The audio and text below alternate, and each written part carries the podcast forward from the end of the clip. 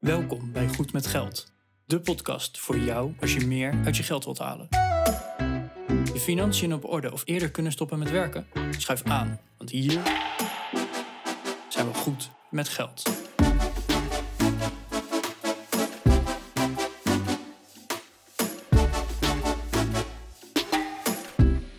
Aflevering 170 van de Goed met Geld podcast. Hoi, hier zijn Bas en Arjan weer door jouw speakers. Vandaag hebben we te gast Tim van Langzaam Rijker. Waarschijnlijk ken je hem al van zijn YouTube-kanaal, podcast, blog of een van zijn vele side hustle websites die hij heeft. En daar gaan we over interviewen. Hij heeft meerdere websites en verdient gewoon een normaal maandinkomen met alle affiliate inkomsten. Dus ja, als goed met geld zijnde wil je daar gewoon meer over weten. Wil jij meer hierover weten? Blijf dan vooral luisteren. Maar je kan natuurlijk ook nog even onze show notes checken. www.goedmetgeldpodcast.nl slash 170. Wil je ons contacten erover? Dat kan goedmetgeldpodcast.nl slash contact. Maar wil je direct met Tim in contact komen? Hij gaf het ook al aan in de show. Maar uh, zoek hem gewoon even op timlangzaamrijker.nl. En voel je vrij om hem gewoon een berichtje te sturen. Voor nu, heel veel luisterplezier.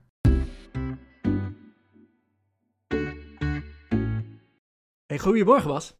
Goedemorgen. Goedemorgen. Hey, uh, ja, zoals in de intro van deze aflevering al genoemd is, uh, hebben wij een gast vandaag en dat is Tim van langzaamrijker.nl. En Tim die mailde ons van ja, jullie zoeken gasten. Ik ben een leuke gast en ja, sowieso, uh, we bloggen en we publiceren over hetzelfde onderwerp. Dus volgens mij is het heel leuk om gewoon samen een keer een aflevering op te nemen. Uh, dus je raadt het inderdaad al. Wij zitten op dit moment met z'n drie in deze studio. Dus goedemorgen en uh, welkom in de studio, Tim. Goedemorgen, dankjewel. Leuk dat ik er mag zijn. Uh, nou, Tim, ja, welkom in de studio. Ehm, zou je voor onze luisteraars die jou nog niet kennen even kort kunnen voorstellen? Ja, dat is goed. Ik ben Tim. De meeste mensen kennen me van Langzaam Rijken. Wellicht mensen die jullie volgen die mij ook wel kennen, want we hebben inderdaad veel dezelfde onderwerpen. Maar ik, ik maak video's en blogs over financiën, veel over beleggen. Dus daar kunnen mensen mij, uh, mij van kennen. En uh, ja, dat doe ik nou zo'n uh, twee jaar ongeveer. met veel plezier, ietsjes langer al ondertussen alweer. Dus ja, dat is denk ik. Oké, okay, en je zegt twee jaar, maar dan, dan gaan we straks nog even op verder inzoomen. Want op je website staat, ik heb tien jaar ervaring met affiliate sites. Dus dan is twee jaar eigenlijk pas een hele korte periode daaraan dat je, dat je inderdaad zegt, hey, hier ben ik zo mee bezig. Ja. Oké, okay, en, en ja, hoe, hoe ziet jouw leven er op dit moment uit? Want dat is misschien wel een, een goede binnenkomen voor deze aflevering. Want ja, we, we gaan het een beetje hebben over side hustles en zulke dingen. Uh, maar bij jou is dat wel een beetje goed in de extreme uitgepakt. Ja, dat klopt. Nou, ondertussen wel. Zoals je al zegt, zo dadelijk nog over uh, praten, dan ben ik al tien jaar mee bezig. Dus het is niet zomaar uit de lucht komen vallen. Maar uh, nu ongeveer een jaar leef ik fulltime van mijn, van side hustles, van mijn niche websites noem ik ze meestal deels dus uh, waar mensen me vaak van kennen, langzaam rijken, wat ik dus uh, via bijvoorbeeld uh, YouTube doe. Maar daarnaast heb ik ook nog allerlei andere websites over andere onderwerpen, die ja, uiteindelijk zijn uitgegroeid tot ja, een punt waarbij ik zoiets had, ik, ik moet hier fulltime voor gaan, want ik kan ervan leven en als ik hier meer tijd in investeer, kan ik het nog groter maken. Dus nu ongeveer sinds een jaar fulltime leef ik van mijn, van mijn side hustles. Hoe bevalt dat? Bevalt goed. Van tevoren was het een beetje ik twijfelde heel erg, omdat um, um, ja, je hebt geen collega's uh, meer. Hè? Je, bent in je eentje eigenlijk, je werkt aan je websites. Daar twijfel ik heel erg over. Van, uh, dat heeft me ook wel een beetje tegengehouden, anders had ik misschien nog wel iets eerder kunnen, kunnen stoppen met werken. Maar corona heeft daar natuurlijk wel een beetje een snelvaart in uh, gebracht. We zaten al thuis te werken. Nou, je werkt misschien wel online met elkaar, hè? dus je spreekt elkaar in meetings en dergelijke. maar op een gegeven moment ja, moest ik gewoon die keuze maken. Ik kon niet meer minder werken bij mijn, bij mijn werkgever. En uh, ja, de side hustles die begonnen meer te verdienen als dat ik in mijn eigen werk verdiende. Dus vier dagen voor een baas werken verdiende ik niet meer dan maximaal drie dagen voor mezelf werken. Ja, dan moet je op een gegeven moment de knoop uh, doorrakken. Ja. En die eenzaamheid valt me uh, eigenlijk alles mee. Het ligt misschien ook een beetje aan persoonlijkheid. Ik kan wel redelijk goed alleen zijn, maar um, je leert ook heel veel mensen kennen. Wij zitten nu ook weer met z'n drie te praten, terwijl ik jullie eigenlijk ook helemaal niet kende. En zo, zo leer je toch altijd weer nieuwe mensen kennen. Ja, leuk. Ja, nou tof ja, dan toch maar even tien jaar terug in de tijd. Want je, op de website staat, uh, ik heb al tien jaar ervaring met uh, affiliate sites. Hoe is dat ooit zo begonnen? Hoe is dat ooit begonnen? Nou, het begon ooit omdat ik uh, als, nou hoe oud was ik toen? Ik denk dat ik 19 was. dacht, ik moet toch online geld kunnen verdienen. Punt. dat was een beetje mijn, eh, mijn gedachte. Van, ja, er moet toch een manier zijn om een laptop open te klappen en geld te verdienen. Nou, daar ben ik mee gaan verdiepen. Ik heb toen een tijdje, en ik weet niet precies hoe lang het is geweest, achteraf is dat misschien maar een paar maanden geweest, maar uh, teksten geschreven voor een, een vrouw uit uh, Haarlem, volgens mij, die een, een tekstbureau had. Um, en die leerde me dat dat SEO-teksten moesten zijn. En ja, waarom dan? Nou, de, die worden gebruikt voor websites om ze beter vindbaar te maken in Google. Nou, super tof, gedaan. Ik verdien geloof ik 2 cent per woord of zo. Nou, was als 19-jarige best wel prima, want in de supermarkt verdiende ik minder per uur. En op een gegeven moment ging, ging bedenken van ja, maar die, die, die teksten worden ergens voor gebruikt. Kan ik daar niet zelf iets mee? Dus toen ben ik mijn eigen eerste website op gaan zetten. Um, uh, heel stom onderwerp, zilvervisjes, want het is die kleine insecten. Hoe je daar vanaf ja. kunt, uh, kunt komen, ja, daar zag ik een kans. Ah, dat is super briljant, want men mensen zoeken daar wel op. Dat is echt een heel, ja, een heel concreet probleem natuurlijk wat mensen hebben. Ja. Dat is het ook met dit soort niche-websites. Je, je, je, ja, ga gewoon kijken waar mensen behoefte aan hebben, waar nog niet veel over gesproken wordt, zeg maar. Dus dat, oh. En dan hebben we het over, ik promote een, uh, een spray die kost 10 euro van HG. Ja. En uh, ja, daar kreeg je dan 1 euro commissie op of zo. Dus het ging helemaal nergens over. Maar ja, het was wel het begin van uh, het grotere verhaal, zeg maar. Ja, maar stel oh, inderdaad, hè, je, je zet dat uh, even het idee van side hustle. Dat is, je doet iets naast je normale werkzaamheden. Nou, jij was waarschijnlijk student op je negentiende. Ja. Dan heb je een website daarnaast, dus daar verdien je wat extra's mee. Dat, dat is het hele idee van side hustle. En uh, het, het stukje passief inkomen, dat is het mooiste. Nou, je hebt één keer die teksten moeten schrijven. Eén keer je aan moeten melden op zo'n HG Spray website. En vervolgens als 100 mensen per maand zo'n zo'n spray kopen. Wat denk ik een laag getal is. Maar goed, uh, volgens mij hebben heel veel mensen last van die verdomde zilvervisjes. Ja. Dat is dan 100 euro per maand, waar je effectief daarna niet heel veel werk meer aan hebt, behalve het geld weer opmaken. Daar komt het op neer. Ja. Daar komt het op neer. Nou is het wel zo dat het is niet 100% passief. Kijk, als je vijf jaar een website laat staan, nooit meer iets doet, op een gegeven moment verdwijnt hij uit de zoekresultaten, omdat de website verouderd is en zo. Ja. Um, maar uh, ja, zo wat je zegt. Eh, als je een website hebt, kun je er bij wijze van spreken een half jaar niets aan doen. En vervolgens werkt er een keer een weekje aan. Dat kan al voldoende zijn om hem up-to-date te houden, zeg maar. Dus ja, dat is... Uh, zo werkt het. En was in studententijd inderdaad uh, best, wel, best wel prima. Helemaal met, ik weet niet hoeveel ik bij mijn bijbaantje verdiende. Maar dan ging het volgens mij ook om een euro of drie per uur. Dus dan mm. ben je al snel tevreden. ja. ja, precies. Oké, dus daar is het ooit mee begonnen. En, en Bestaat die website nog steeds? Of is dat langzaam uitgebreid naar andere gekke insectenwebsites?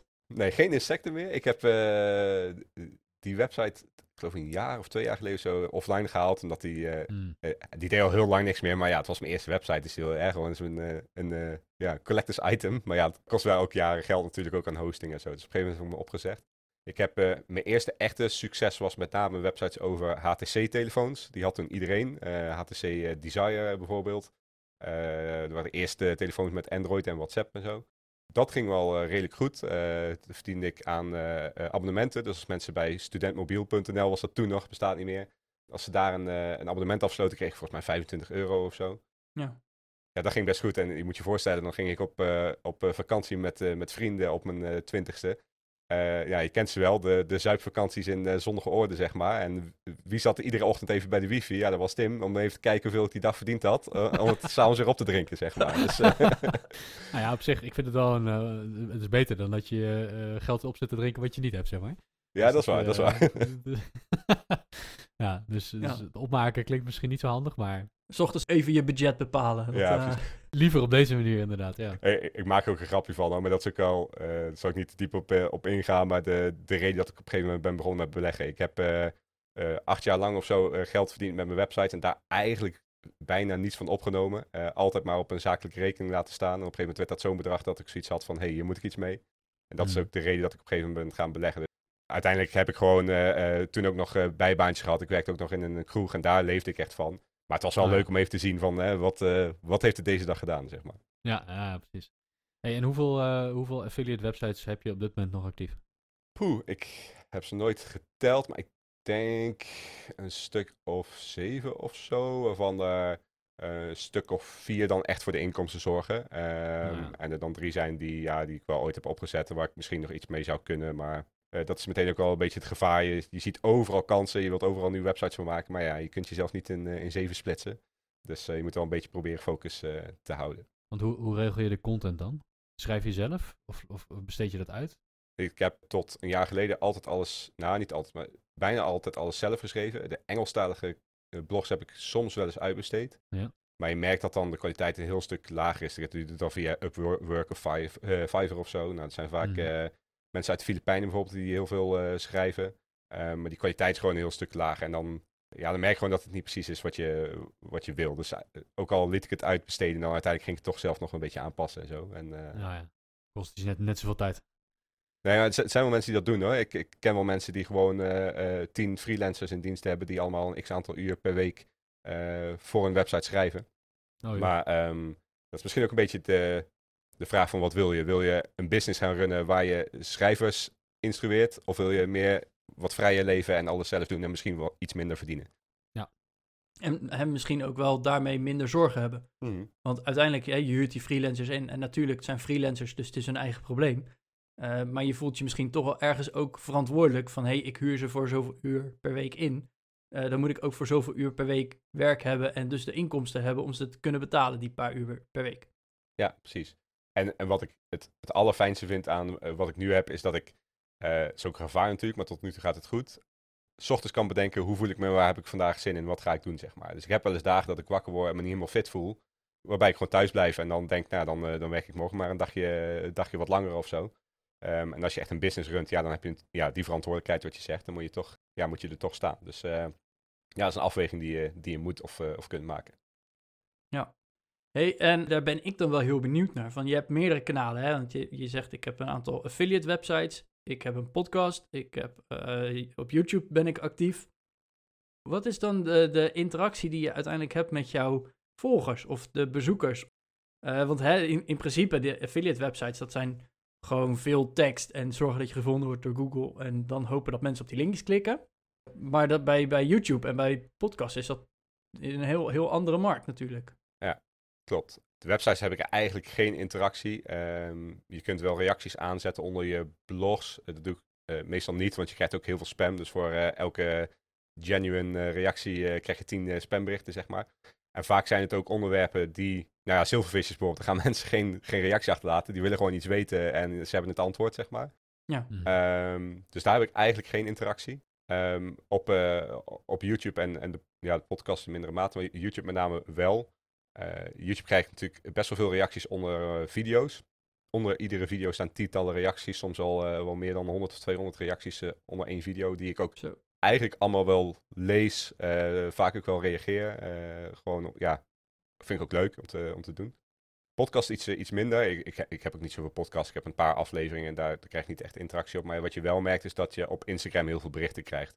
Ik heb op Instagram 11.000 volgers, geloof ik. Ja, dat onderschatten mensen misschien wel eens. Die, die vragen ook van, eh, oh, eh, hoe zit dit en dat? Kun je er even naar kijken? Of eh, eh, kom er morgen even op terug. En ik krijg soms op een dag gewoon 15 nieuwe berichten van, van mensen die me nog nooit een bericht hebben gestuurd. Bovenop de mensen waar ik al een gesprek mee heb, zeg maar. Zo. Hmm. Dat is veel werk als je daarop in blijft gaan.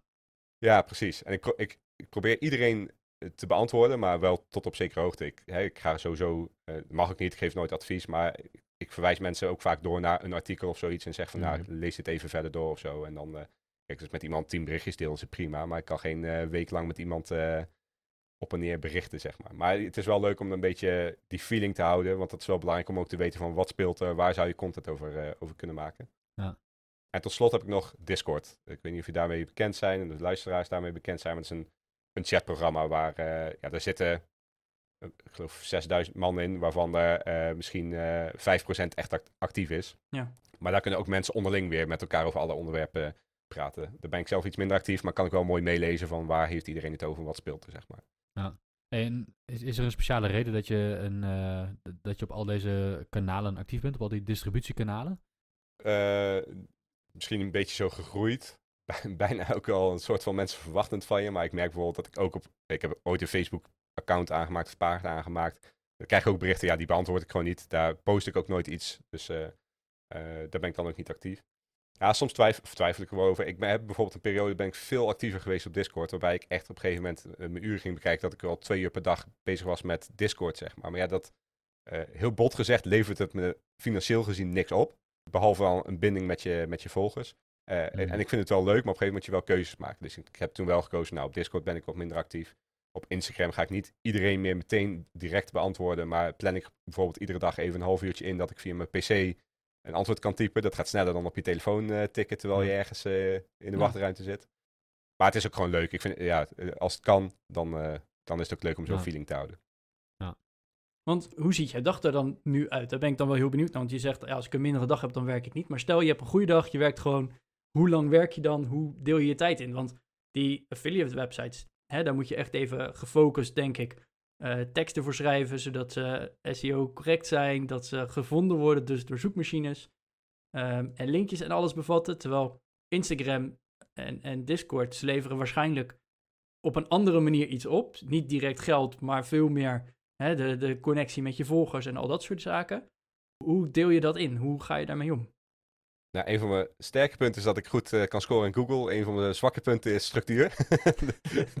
dat, eh, dat, dat is heel lastig, dat heb ik eigenlijk niet. Ik, eh, ehm, ik heb vaak wel... Ik heb bijvoorbeeld stok achter de deur dat ik op dit moment één video per week wil maken. Tot af vorige zomer maakte ik er twee per week. Nou, daar heb ik op een gegeven moment voor gekozen. Het wordt er één, zodat ik meer tijd heb voor andere zaken. Dus dat weet ik. Dat wil ik iedere week af hebben en, en klaar. Dus dat is een soort van stok achter de deur. Maar voor de rest ja, verschilt het heel erg. Ik heb soms een week dat ik aan één website heel erg veel werk, maar dan kan het zijn dat ik daarna drie maanden niks meer aan die website eh, doe. Eh, Het ligt ook een beetje aan wat voor project ik bezig ben. Ik heb hier bijvoorbeeld op mijn kantoor een whiteboard hangen waarbij staat ehm, hoeveel blogs ik voor welke website eh, per maand geüpload wil hebben. Nou, dat ging twee maanden goed, daarna niet meer. Omdat ik toen bijvo- bijvoorbeeld begonnen ben met Website Hustle, de cursus waarbij ik uitleg aan mensen hoe ze zo'n website kunnen maken.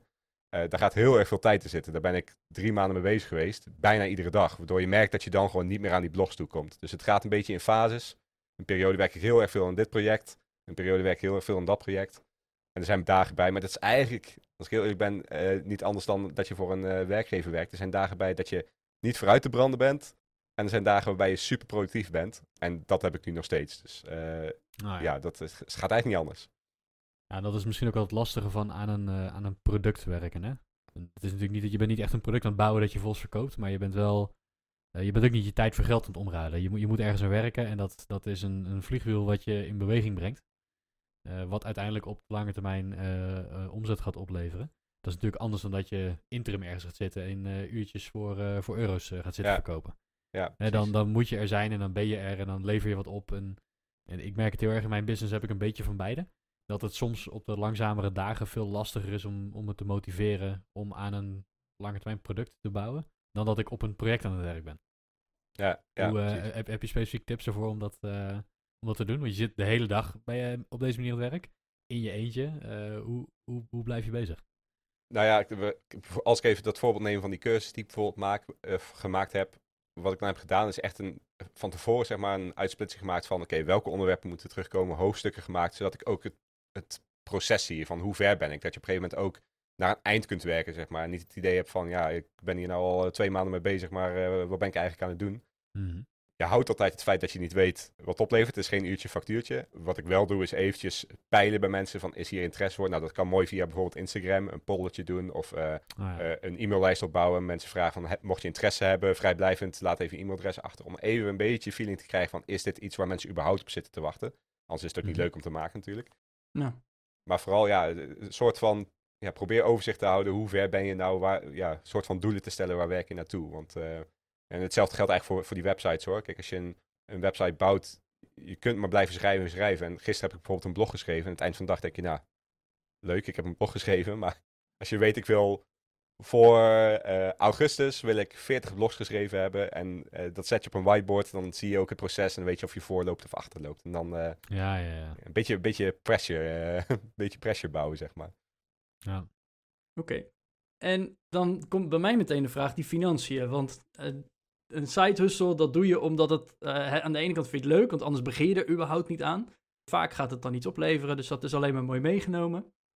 Jij hebt dat in de extreme doorgevoerd door gewoon je baan op te zeggen en inderdaad vol voor die, die side hustles en extra inkomsten te gaan, waar je nu gewoon je bro- brood van kan betalen.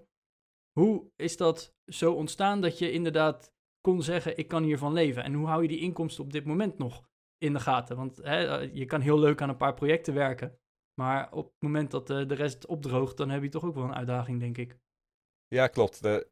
Dat heeft ook voor gezorgd dat ik het heel lang niet heb gedaan. Dus dat is al meteen. eh wellicht dat ook mensen luisteren die een beetje in dezelfde situatie zitten. Ik heb toen heel veel eh, YouTube-films gezocht, podcast geluisterd over me- hè, mensen die hun baan opzeiden. Van, hè, wa- wat zit daar nou achter? Welke overwegingen moet je maken? Het is vooral heel erg spannend. Ja, Eh, en, en vooral, ja, ja, enerzijds dat, die eenzaamheid wat ik zei, maar ook het financiële deel inderdaad. Hè. Eh, als morgen in één keer alles eh, in elkaar stort, wat dan? Het is echt een stukje zekerheid wat je opzegt. Want hè, anders, die baan, dat is gewoon een maandelijkse zekerheid dat je salaris betaald wordt. Ja, ja, precies. En daarbij helpt wel om op een gegeven moment ook te bedenken, ja, hoe zeker is die baan? Als jouw eh, werkgever morgen failliet is, heb je ook een probleem. Maar ja, goed, je krijgt nog wel een uitkering. Dat krijg je niet Ja. als je eh, eh, zelfstandig ondernemer bent. Uiteindelijk heeft voor mij de, of de doorslag gegeven, maar ik, ik verdiende er meer mee dan, dan in mijn fulltime werk, zeg maar. Al een tijdje, op een gegeven moment werd dat een stuk meer. En dan werd het niet meer 100 euro meer, maar honderden euro's meer dan, eh, dan mijn werk. Dat was een motivatie. En daarnaast eh, had ik een hele flinke buffer kunnen opbouwen om, eh, om dat op te vangen. Dus ik maak me nu eigenlijk nooit zorgen over, omdat ik weet dat ik een, een buffer heb. en ja, ik noem niet precies de getallen, maar een jaar kan ik het zeker uithouden, zeg maar. Dus mocht morgen in één keer het internet niet meer bestaan, dan kan ik nog een jaar vooruit. Nou, in een jaar moet ik toch vast wel ergens een, een baantje kunnen vinden, zeg maar. Dat, ja, precies. Als het internet morgen niet meer bestaat, kan je ook niet meer bij je spaarrekening trouwens. Dus ja, dat is waar. Goed punt. Oh, dan heb je een andere uitdaging, want dan kan je niet meer bij het Ja. geld. Dan moet je nog Maar een overschrijfkaart gaan gebruiken. Die vraag die kreeg ik ook als van mensen van, ja, maar eh, ik ben 2,5 jaar geleden eh, als, als fulltime ondernemer begonnen. En daarnaast altijd wat side hustles wel gehad. Maar mensen vroegen dan ook van, ja, maar, maar wat dan als je even geen opdracht hebt? Ja, oké, weet je. eh, één is, mijn inkomen als ondernemer is wat meer dan wat het in loondienst was. Dus als ik even geen opdracht heb, dan verdien ik nog steeds genoeg. En ik heb inderdaad een buffer. En eh, ja, maar wat dan als de wereld vergaat? Ja, dan hebben we andere problemen. Dan maakt het niet meer uit, weet je wel. Nee. ja, je kunt, je kunt op geen rampscenario's blijven bedenken. Maar ik denk dat je het goed aanpakt, weet je. Als je een buffer op de bank hebt staan waarvan je vooruit kan. En ja, dat, dat geeft gewoon heel veel rust. Weet je, als dan een keer een maandje wat minder is, ja, kun je je schouders ophalen en, eh, en Ja, verder gaan. precies. Waar ik dan wel benieuwd naar ben, is eh, in de maanden dat je wel goed verdient, of dus ik ga ervan uit dat je, eh, je, je hebt bewust deze keuze gemaakt, je doet het nog steeds. Eh, dus ik denk dat het een, eh, een goede keuze is geweest achteraf. Eh, als je geld overhoudt, eh, wat, wat doe je daarmee? Want ik lees op je website dat je, dat je druk bent met beleggen. Ja. Is dat ook eh, is dat waar al je extra geld in gaat zitten? Eh, ja, meestal wel. Het, is ook altijd een afweging. Hè? Dus ik heb die, die buffer opgebouwd. Dat voelt al bijna een beetje als zonde. Zeker als je een, actieve belegger bent. Hè? Als je flink wat geld op een spaarrekening hebt st- staan. Ik, en helemaal met die inflatie van nu van oeh. Ja. Maar dat geeft die rust. En ik denk dat dat super belangrijk is om gewoon je hoofd koel te kunnen houden. Het is bijna een soort van verzekering. Ja. Ik heb wel op een gegeven moment voor gekozen van nou nu moet ik, hey, die buffer die werd steeds groter, groter. Iedere keer als ik geld overhield, zet ik dat op die buffer. Op een gegeven moment besloten van, oké, nu moet ik niet meer, meer op die buffer gaan zetten. Wat ik nu doe is, ieder kwartaal kijk ik, ehm, wat heb ik afgelopen kwartaal eh, verdiend. Toevallig heb ik deze week mijn, eh, eh, mijn aangifte klaargezet, mijn kwartaalaangifte. Dan heb ik altijd een overzicht. Dat is Mhm. overigens bij dit soort site hustles wel wat lastiger. Het is allemaal ehm zelfbilling, dus alles wordt gewoon overgemaakt. En zelf moet je de facturen nog, nog maken. Eh, dat doe ik pas aan het eind van het kwartaal. Dus altijd een verrassing hoeveel ik eh, afgelopen kwartaal eh, precies verdiend heb. Zie je nog ergens, oh, had ik daar ook nog een, een affiliate-programma lopen, weet je wel, dus daar weer ergens vijftientjes vandaan. Dan bereken ik hoeveel ik verdiend heb. Dan betaal ik mijn btw. Vervolgens haal ik 40% van wat ik verdiend heb, haal ik, zet ik apart voor de belastingaangifte van volgend jaar. nice. En de rest, dat, dat ga, ik, ga ik beleggen. Soms in één keer. Eh, so- ik heb gewoon een aparte eh, rekening waar ik, eh, een privérekening waar ik dan het overschot in zet, zeg maar. Soms Mhm. maak ik op die rekening over en doe ik er een maand over om te beleggen als er een dipje is of zo. Maar ehm, ja, het gaat Mhm. bijna allemaal naar beleggen toe. Een deel gaat nog wel naar het herinvesteren in, in de websites toe. Ehm, maar dat is dan ook niet over, want daar krijg ik dus ook facturen van. Als ik ergens hulp van iemand krijg of teksten worden geschreven, dat zie ik gewoon als zakelijke uitgaven, zeg maar. Nou ja, oké. En hou je dat, want je zegt nu ik houd per kwartaal dus eigenlijk bij. Kijk je dan inderdaad ook naar, naar oudere kwartalen of kijk je dat tijdens het kwartaal misschien wel van, oh, ehm, de, hè, we hebben net een, een oorlog in Oekraïne gehad, dus je weet niet hoe het internetverkeer daarop reageert. Eh, hou je dan die affiliate inkomsten wel in de gaten dat je zegt van, oeh, deze maand of dit kwartaal kan wel eens een, een krapper worden? Of heb je dat helemaal los kunnen laten ondertussen? Nee, ik, kijk daar eigenlijk niet naar. Wat denk ik heel veel mensen herkennen die zo'n site hustle hebben, die zullen vier keer per dag eh, refreshen, kijken o- of we vandaag alweer iets verdiend hebben, zeg maar. Nou, dat, doe, dat doe ik eigenlijk helemaal niet meer. Eh, er zit ook overal een vertraging op. Dus als ik eh, ehm, display advertenties bijvoorbeeld, dus de banners op je website, als die vandaag Mhm. getoond worden, dan zie ik die morgen in mijn dashboard. Dus kan ik wel zien wat ik heb verdiend. Maar het is in, in dollars, omdat ik eh, gebruik maak van een Amerikaanse platform.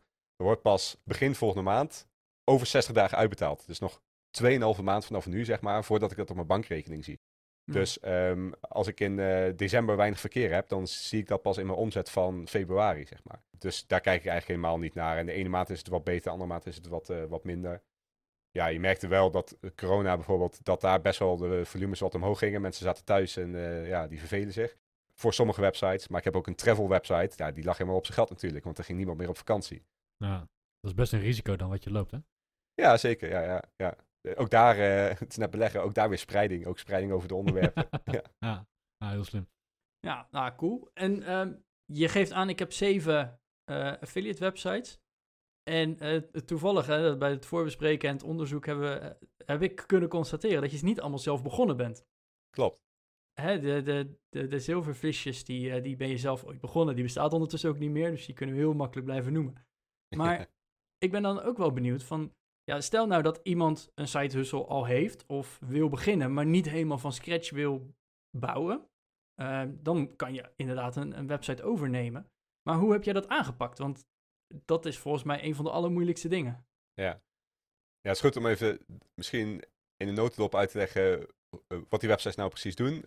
Tenminste, wat ik doe, is puur websites maken die eh, vragen van mensen beantwoorden die ze in Google intypen. Dus je ziet, eh, mensen zoeken iets over een bepaald onderwerp, daar maak ik content over en daar kan ik eventueel doorverwijzen via een affiliate link, maar vaak ook niet. Hè. Het is vaak ook gewoon een informatief artikel waar bijvoorbeeld banners getoond worden.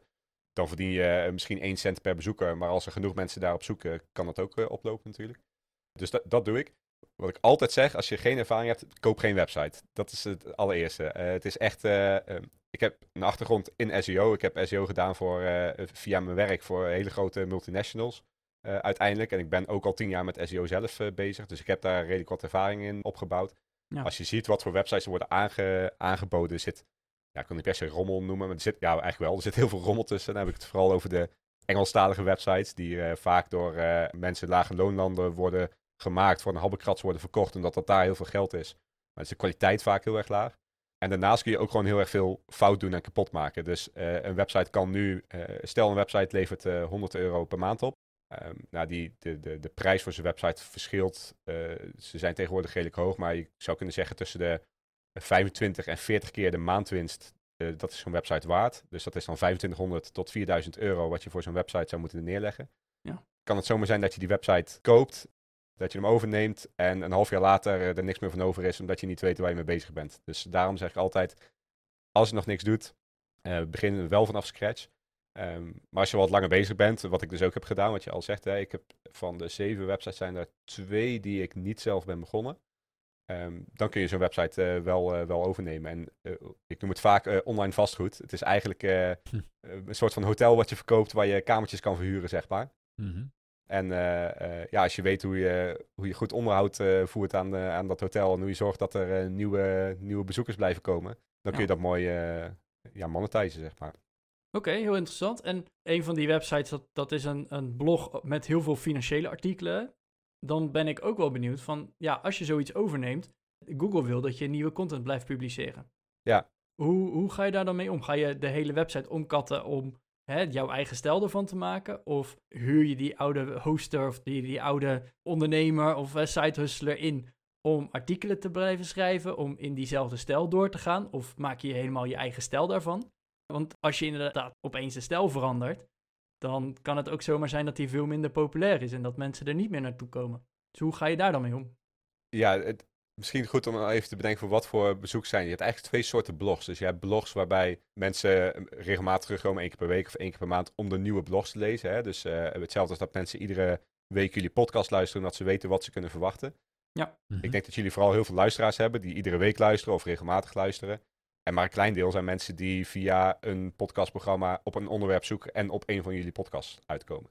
Eh, die zullen er ook zijn, maar het idee is hopelijk dat die dan ook meer dat die, eh, bij die andere club Dat, komen, dat zeg die maar. besmet raken met Ja, hoe precies. leuk wij podcasten en eh, dat ze volgende keer weer luisteren. Ja, precies. Dat is één. Eh, wat die websites veel meer zijn, is veel meer mensen die ja, iets in Google inzoeken. en Gewoon een, een antwoord op een vraag zoeken. Dus die mensen zijn veel minder geconnect met je, je website. Dat is meteen ook wel een nadeel hoor. Maar ehm, het is een heel, heel ander soort verdienmodel. Een heel ander soort connectie met je, met je lezers, zeg maar. Als jij eh, bijvoorbeeld opzoekt ehm, hoeveel zakgeld geef je aan iemand in de brugklas. Ik noem maar Hmm. iets Ja. Eh, nou, kom waarschijnlijk op het Nibud uit. eh, misschien ook op een aantal websites. Maar dat zijn dan niet websites waar je volgens denkt, hey, dit is interessant. Hier ga ik iedere week eens even op rond, rondkijken, zeg maar. Nee. Dus dat, dat, dat, is- dat is meer het geval. En, en dat betekent dus dat ik die oude blogs gewoon heb laten staan zoals ze stonden. Wel zoveel mogelijk geprobeerd om te kijken, ben ik het ermee eens? Maar ja, het zijn vaak heel veel blogs. Dat eh, is meer dan een heel boek, zeg maar. Dat, eh, kost best wel veel tijd. En vervolgens zelf doorgaan, eh, doorgaan schrijven. De oude eigenaar van zo'n website, ja, die is meestal niet bereid om eraan te blijven werken. Want als hij dat wel zou zijn, dan zou hij hem niet verkocht hebben. Er zijn altijd uitzonderingen natuurlijk. Maar vaak ehm, verkopen ze zo'n website omdat ze met een ander project verder willen gaan. Of omdat het een slechte website is, dat kan natuurlijk ook. Ja. Dus ja, dat. Dus eh, eh, ja, wel een andere schrijfstijl inderdaad, de, de nieuwere blogs. Maar omdat je dus eigenlijk dusdanig artikelen schrijft van mensen die er naar zoeken en dus één keer op die website komen en daarna misschien nog wel een keertje, maar niet direct nog de hele blog door gaan lezen of op follow klikken, Ja. eh, maakt het dus eigenlijk niet zo heel veel uit. Nee, precies. Als ik kijk naar Google Analytics, dan kun je precies zien waar bezoekers vandaan komen en dergelijke. Zie je dat ongeveer 90% van de bezoekers uit de zoekmachine komt. En die 10% die komt via een doorverwijzing of rechtstreeks. Natuurlijk zijn er dus wel mensen die wel wat vaak terugkomen en nieuwe blogs eh, lezen. Maar ja, dan probeer ik me gewoon te focussen op die 90%. Eh, het, liefste zou ik natuurlijk alles omzetten. Maar ja, als je 200, 300 blogartikelen eh, moet gaan omzetten naar jouw tone of voice, zeg maar. Dan Ja. kun je daar goed een aantal maanden mee bezig zijn. Dus dat is dan niet waar. niet, eh, dat is ook niet haalbaar natuurlijk. Nee, precies. Hoe, hoe bepaal je wat wel de moeite waard is om aan te pakken of wat dat niet is? Nou ja, je kunt sowieso zien eh, eh, hoeveel bezoekers i- iedere pagina krijgt. Dus je weet van welke blogs doen het goed, welke blogs doen het minder goed. Ehm, je hebt ook verschillende tools die je kunt gebruiken om te zien op welke zoekwoorden sta ik, op welke positie in Google. En wat je eigenlijk zou willen doen is het laaghangend fruit pakken. Dus als je ziet, er zijn bepaalde blogs waar ik misschien op positie eh, eh, 8 sta. Ja, dan heeft misschien dat kleine zetje nodig om in de top 3 te komen. Terwijl als je op positie 40 staat, ze zeggen wel eens, there is no better place to hide a dead body than the second page of Google. Maakt niet uit of je op pagina 8 of pagina 2 staat. Dat zien mensen niet. Nee, ze Nice. komen er toch niet. Nee, precies. Dus de- dat is dan eh, ja, de aanpak. Kijken van ja, welke, eh, welke blogs hebben dat, net dat ene setje nodig en is het waard om daar eh, wat tijd in, eh, in te investeren. Ja, Ja. oké. Hey, over tijd gesproken. Je doet heel veel, hè? Blogs, podcast, YouTube, Discord. Hoeveel tijd ben je waaraan ongeveer kwijt? En wat levert het meeste op? Want eh, Discord, dat zei je al, ik ben er twee uur aan kwijt, maar ik verdien er bijna geen euro mee. Ja. Hoe, eh, hoe is die verdeling ongeveer? Is heel lastig omdat ik het niet precies bijhoud. eh, of niet precies, ik hou het gewoon niet bij eigenlijk. Eh, behalve dat ik voor mijn belastingaangifte bijhoud hoeveel uur ik per dag ongeveer op kantoor bezig ben met wat. Maar het is heel erg globaal. Sommige dingen die, die, die zijn lastig te, te uit te drukken in wat levert op. Bijvoorbeeld Instagram levert in eerste instantie niks op. Dus dat is leuk dat je al die volgers hebt. Alleen eh, al die DM's sturen met mensen levert niks op. Maar tegelijkertijd, op het moment dat ik bijvoorbeeld zo'n cursus heb gemaakt en dat deel aan de wereld inbreng via bijvoorbeeld Instagram, zien die mensen het wel. En zijn er ook mensen die natuurlijk wel een gesprek met mij hebben gehad over een bepaald onderwerp. Misschien wel over eh niche websites, over side hustles. En je hebt wel meteen weer zoveel duizend mensen die wel de interesse in dat onderwerp hebben, waar je gratis exposure naartoe hebt. Ja, precies. Ja, dus dat, Ja. Maar dat, dat is heel erg moeilijk te, te ja, hoe zeg je dat, kwantificeren. Ja. Dus hè, als ik, eh, als ik zo, eh, zoiets lanceer en ik eh, noem even een random getal, bijvoorbeeld 100 mensen kopen zo'n cursus. Ja, hoeveel er dan via Instagram zijn gekomen, kun je wel meten. Maar ja, zijn die dan echt rechtstreeks via Instagram of hebben die al ergens anders van gehoord? Ja, dat, dat is heel erg lastig. Maar als ik kijk naar blogs versus video's, ik denk dat, daar, dat ik daar de duidelijkste onderscheid in kan maken. Video's maak ik natuurlijk voor Langzaam Rijken. Mhm. En blogs voor, voor alle andere websites, ook voor Langzaam Rijken. Merk ik dat video's veel meer tijd kosten voor, eh, voor wat je ervoor terugkrijgt, zeg maar. Dus één video maken, nou, daar ben je goed, eh, ik denk gemiddeld een uur of vijf of zo mee, eh, mee bezig. Van het, het idee, het opnemen, het bewerken, het uploaden, alles bij elkaar, zeg maar. Sommige video's wat korter. Ik ben nu bezig met een video over mijn vakantie. Nou, die, daar zit denk ik wel 20 uur in. Dus daar gaat heel erg veel tijd in zitten. Eh, ook dat is weer wat moeilijker te meten wat het oplevert. Want een video levert in eerste instantie niet zoveel op. Eh, wel advertenties rond zo'n video. Maar ja, dan hebben we het over eh, een paar tientjes per video. Maar ook weer exposure natuurlijk. Ja. Blogs is beter te meten, omdat je weet, nou, ik spendeer ongeveer zoveel tijd aan een blog. Ik heb zoveel blogs en het levert dit per maand op, zeg maar. Je kunt gewoon precies zien hoeveel bezoekers je op Mhm. welk blogartikel krijgt. Ik denk dat als je gaat kijken over een periode van bijvoorbeeld vijf jaar. Dus als ik nu een jaar lang alleen maar blog zou gaan schrijven, wat levert dat in vijf jaar tijd op? Dat dat meer oplevert dan dat ik een jaar lang video's maak en daarna geen video's meer, zeg maar. Eh, omdat video's veel meer korte termijn eh, zijn. Als ik eh, nu stop met video's maken, zullen er nog wel wat mensen mijn oude video's bekijken. Maar ik denk dat de helft van alle views per maand zijn mensen die nieuwe video's bekijken. Gewoon mijn volgers die steeds de nieuwe video's bekijken. Dus ik denk dat, dat de blogs rendabeler zijn als je kijkt naar wat levert je tijd op. Tegelijkertijd ja, zijn die video's misschien indirect leveren ze ook wel weer wat op. Is, is dat wat moeilijker te, te, te meten, zeg maar. Ik probeer ja, daar een verdeling in te maken. Mensen vragen wel eens hoeveel... Hè, ben je vooral bezig met, met YouTube of vooral met je websites? Ik denk dat je dat 50-50 zou kunnen zeggen. Het is, het is onderdeel van de package. Ja, het is ook begonnen. Hè. Langzaam Rijken begon met mijn, met mijn website. Het is begonnen als een niche website. Ik wou daar gewoon wat over delen. Hmm. Omdat mensen in mijn omgeving vroegen, hoe, eh, hoe doe je dat met beleggen? Omdat ik ben gaan beginnen met beleggen met dat zakelijk geld. En toen dacht ik, nou weet je, waarom zou ik daar geen blogs over gaan schrijven? Dus het is eigenlijk meer een uit de hand gelopen side hustle die ondertussen de helft is geworden en de rest een beetje verdrongen heeft. Daar komt het eigenlijk op neer. Oh, wauw. Oké, heel gaaf. Eh, Je hebt net eh, uitgelegd wat je, ehm, ja, wat je doet met je websites en, en hoe je je geld verdient. Ehm, we hebben kort al even ook erover gehad dat je belegt. Eh, maar daar wil ik iets dieper op ingaan. Dat is denk ik voor de luisteraar ook interessant, aangezien ze naar een eh, personal finance podcast luisteren. Als jij het geld dat je over hebt belegd, wat, wat doe je dan? En dat is natuurlijk geen eh, advies, even de disclaimer hier. We geven geen Ja. financieel advies. Ga dit, ga dit niet kopiëren. Jij bent verantwoordelijk voor je eigen resultaten, niet wij. Maar, maar wat doe jij met je beleggingen? Daar ben ik al benieuwd naar. Nou, wat dat betreft lijken we heel erg op elkaar. En dat is misschien ook wel een van de redenen dat ik jullie podcast luister. Maar ehm, ik beleg gewoon zoveel mogelijk breed, eh, breed gespreid. Dus ik, heb, eh, eh, ik beleg met name in, in ETF's. De bekende VWRL is mijn grootste positie. Dus dat doe ik. Ik merk wel dat ik soms wat andere dingen doe. Met name omdat ik dat leuk vind om bijvoorbeeld in een video te delen. Hè. Dus hoe werkt dat nou? Ik heb laatst bijvoorbeeld een eh REITs eh, portefeuille opgebouwd. Dus een vastgoed eh, aandelen. Mhm. Enerzijds omdat ik het zelf interessant vind, anderzijds omdat dat mooie content is, omdat mensen daar meer over willen, willen leren. Ehm, maar ook dat ja, komt uiteindelijk weer neer op eh, eh, spreiding. Dat is gewoon een, een, een van de, de, de, de categorieën waarin ik zou willen beleggen, zeg maar. Ja. Dus ja, breed spreiden is eigenlijk wel het, eh, het devies bij mij eh, persoonlijk, ja. En wat is het doel erachter dan? Want waarom ga- zou je investeren? Je kan ook eh, prima lekker veel op vakantie. Hè? Je komt net terug eh, van Gran Canaria, geloof ik. Ja. Dat kan je ook gewoon eh, zes maanden per jaar doen. Ja, dat is soms ook wel aantrekkelijk. eh, dat je denkt, nou ja, dat, dat zou ik ook, eh, ook kunnen doen. Dan heb je het stukje lifestyle inflation natuurlijk. Hè. Ik zou ook een duurdere auto kunnen rijden. Nou, ondanks dat ik meer verdien dan eh, de afgelopen jaren, rijd ik in een eh, Toyota Yaris eh 1.0 die niet vooruit te branden is. Nice, nice. Stealth wealth all the way. En hij is er trots op.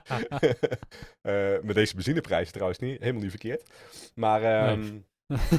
doel is FIRE, zou ik willen zeggen. Met wel die voetnoot dat FIRE, eh, ik, ik heb waarschijnlijk niet de ambitie om eh, achter de graniums te gaan zitten als ik eh, dat heb bereikt, zeg maar.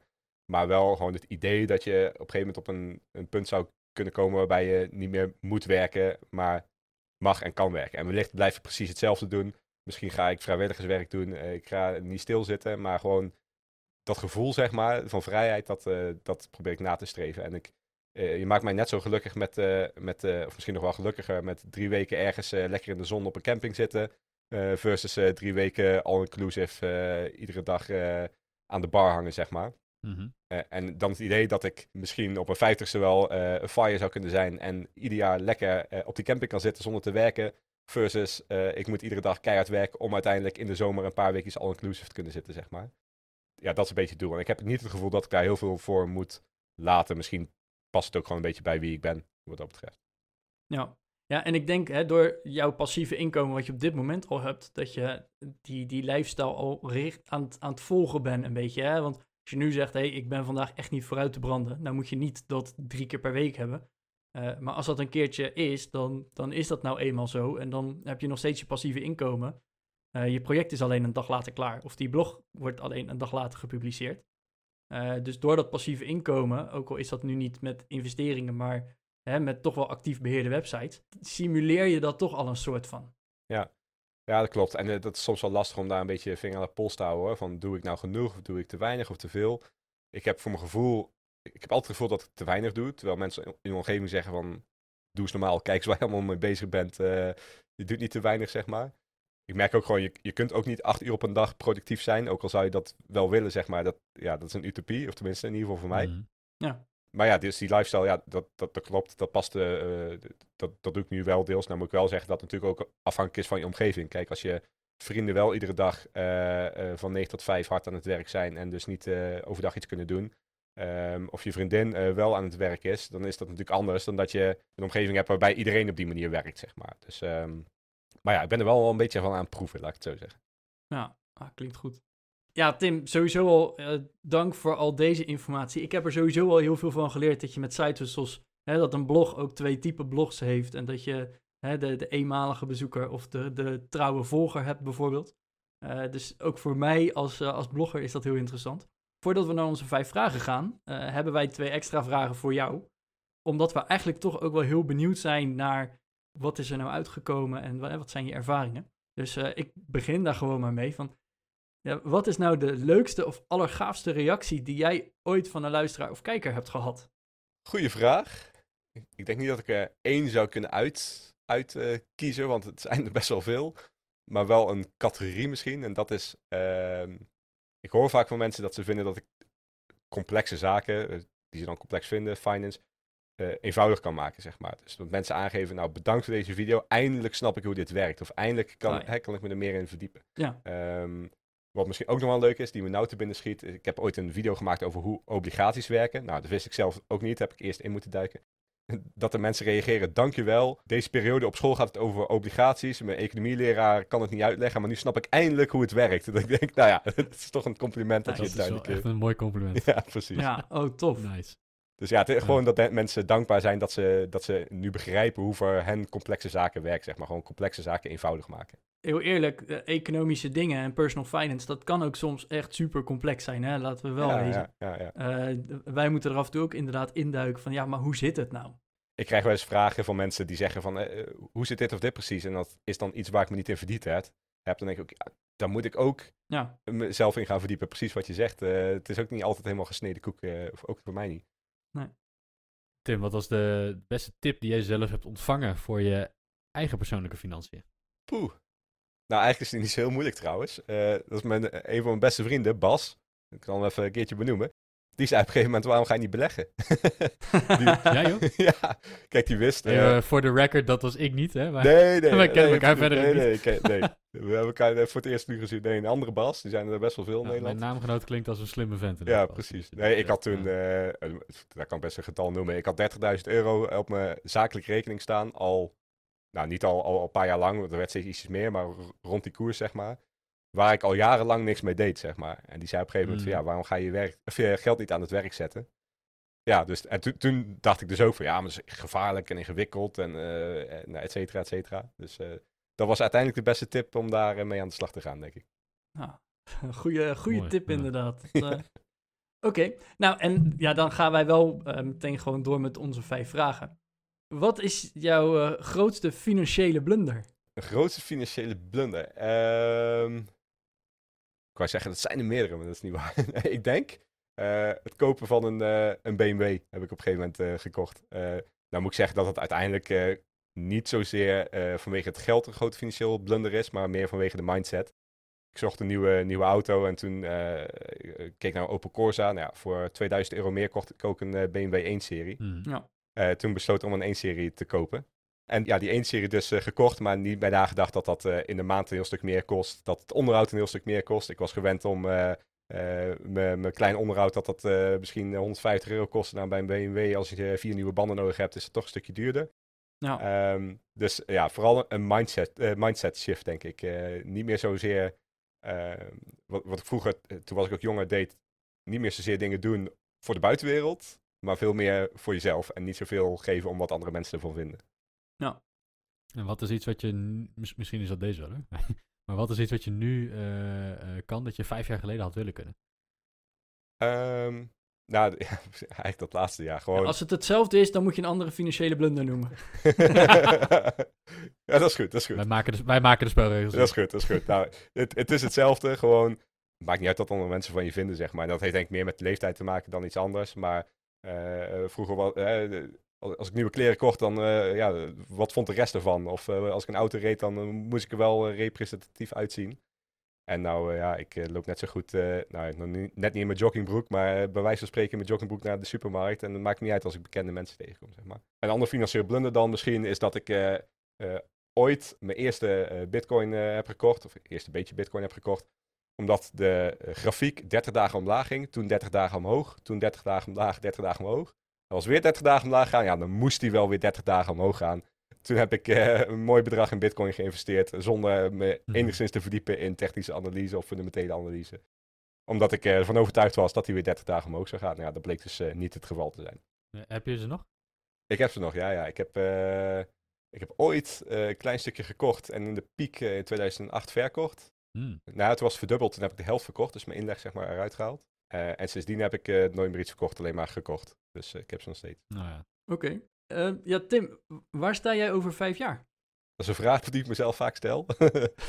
Ehm, weet ik niet zo goed. Heel eerlijk gezegd eh, zou ik best wel tevreden zijn als ik gewoon nog steeds doe wat ik nu doe. Alleen natuurlijk met toffe nieuwe projecten. Ik wil wel blijven innoveren, eh, nieuwe, nieuwe dingen doen. Wat die dingen dan precies zijn, dat weet ik niet. Dat moet op mijn, op mijn pad komen. Maar het leven dat ik nu heb, eh, eh, vind ik voor nu gewoon prima, zeg maar. Dat eh, hoop ik over vijf jaar gewoon ook die vrijheid te kunnen ervaren en op deze manier door te kunnen gaan. Wellicht met wat meer, eh, met wat meer reizen. Eh, ik ga nu ook wel af en toe op vakantie, twee keer per jaar. Maar ja, dat doet eigenlijk iedereen. Maar echt gewoon een periode misschien vanuit het buitenland werken. Ja. Dat lijkt me nog wel mooi. Ik kan, ja, ik zit nu op dit kantoor, maar dat zou ik in principe overal kunnen, kunnen doen. Maar ja, ik, ik, ik hoop vooral de leefstijl die ik nu heb voort te, te kunnen zetten met toffe projecten die me dan ook energie, energie geven. Oké. En welke bron van informatie zouden onze luisteraars volgens jou moeten kennen? Mag niet je eigen website zijn. Dat is een eh, podcast, eh, goed met geld podcast. Mag ook niet onze, mag ook niet onze podcast zijn. Nee, eh, bronnen van informatie. Ehm, als het gaat om, het zal ik me beperken even tot, tot het onderwerp van, van deze podcast, dus het stukje online ondernemen, side hustles. Ehm, mensen vragen wel eens van waar heb je alles geleerd? En ik heb mezelf alles geleerd en alles via, met name via YouTube eigenlijk. Ook wel wat podcast, maar met name vanuit, vanuit YouTube. Niet per se één kanaal wat ik heb gevolgd, maar er is zoveel informatie over te vinden. En zeker dit onderwerp, omdat de mensen die dit die dit doen, zijn mensen die van een online inkomen leven. Dat zijn ook de mensen die ook online er iets over delen, zeg maar. Dus er zijn Hmm. eh, eh, tal van podcast en, eh, en YouTube, noem je dat, channels die, die je daarin verder kunnen helpen. En ga vooral gewoon eens iets doen, zeg maar. In plaats van alleen maar luisteren naar een podcast, maak gewoon eens een keer een website. Ga gewoon op je gezicht, maak die fouten. Eh, maar door ja, een beetje aan te modderen, om het zo maar te zeggen, ben je ondertussen stiekem wel iets aan het, eh, iets aan het bouwen. Ehm, dus ik denk dat dat eh, het belangrijkste is. Dat mensen gewoon niet blijven afwachten van, oh, is er ergens een boek, een, een opleiding of zo. Nee, ga gewoon op, op forums, op YouTube, op de podcast luisteren en ga gewoon beginnen om, om iets op te bouwen. Goeie tip. En dan als laatste, wat is jouw advies voor iedereen die nu luistert en denkt, hey, ik zou graag een side hustle willen beginnen? Of ik wil misschien een side hustle overnemen. Eh, wat, wat zou jouw advies dan zijn voor hun? Mijn advies zou zijn om het vooral gewoon te doen. Dat is één. Ik hoor iedereen, of iedereen, heel erg veel mensen om me heen zeggen, ik wil eigenlijk ook wel zo'n website eh, bouwen, of dat zou me ook wel iets lijken. Maar nog geen 10% van de mensen die dat zegt, die doet ook iets, zeg maar. Dus dat is, eh, is één. En twee, verdiep je wel in de materie. Want ik zie ook heel veel mensen die beginnen, eh, die gewoon hele standaard beginnersfouten maken. Dat zonde als je een jaar bezig bent en na een jaar erachter komt dat je, dat je het anders had moeten doen. En dat is geen weggegooide tijd, want je leert er wel iets van. Maar probeer wel eventjes erin te verdiepen van hoe moet ik nou eh, zo'n website opbouwen, waar moet ik me op, eh, op focussen, waar moet ik op letten.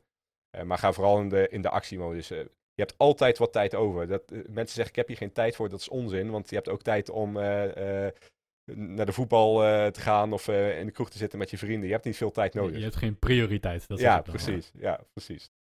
Toch dat half uur Instagram even wegdoen en dan gewoon Ja. lekker, eh, weet ik veel, een cursusje SEO gaan doen, Ja, bijvoorbeeld. m- mensen vragen wel eens hoeveel tijd moet ik hier aan spenderen. En dat is natuurlijk helemaal aan jezelf. Hoe meer tijd je eraan spendeert, hoe groter het, of sneller het groot wordt. Maar als je twee avonden in de week een uurtje hebt.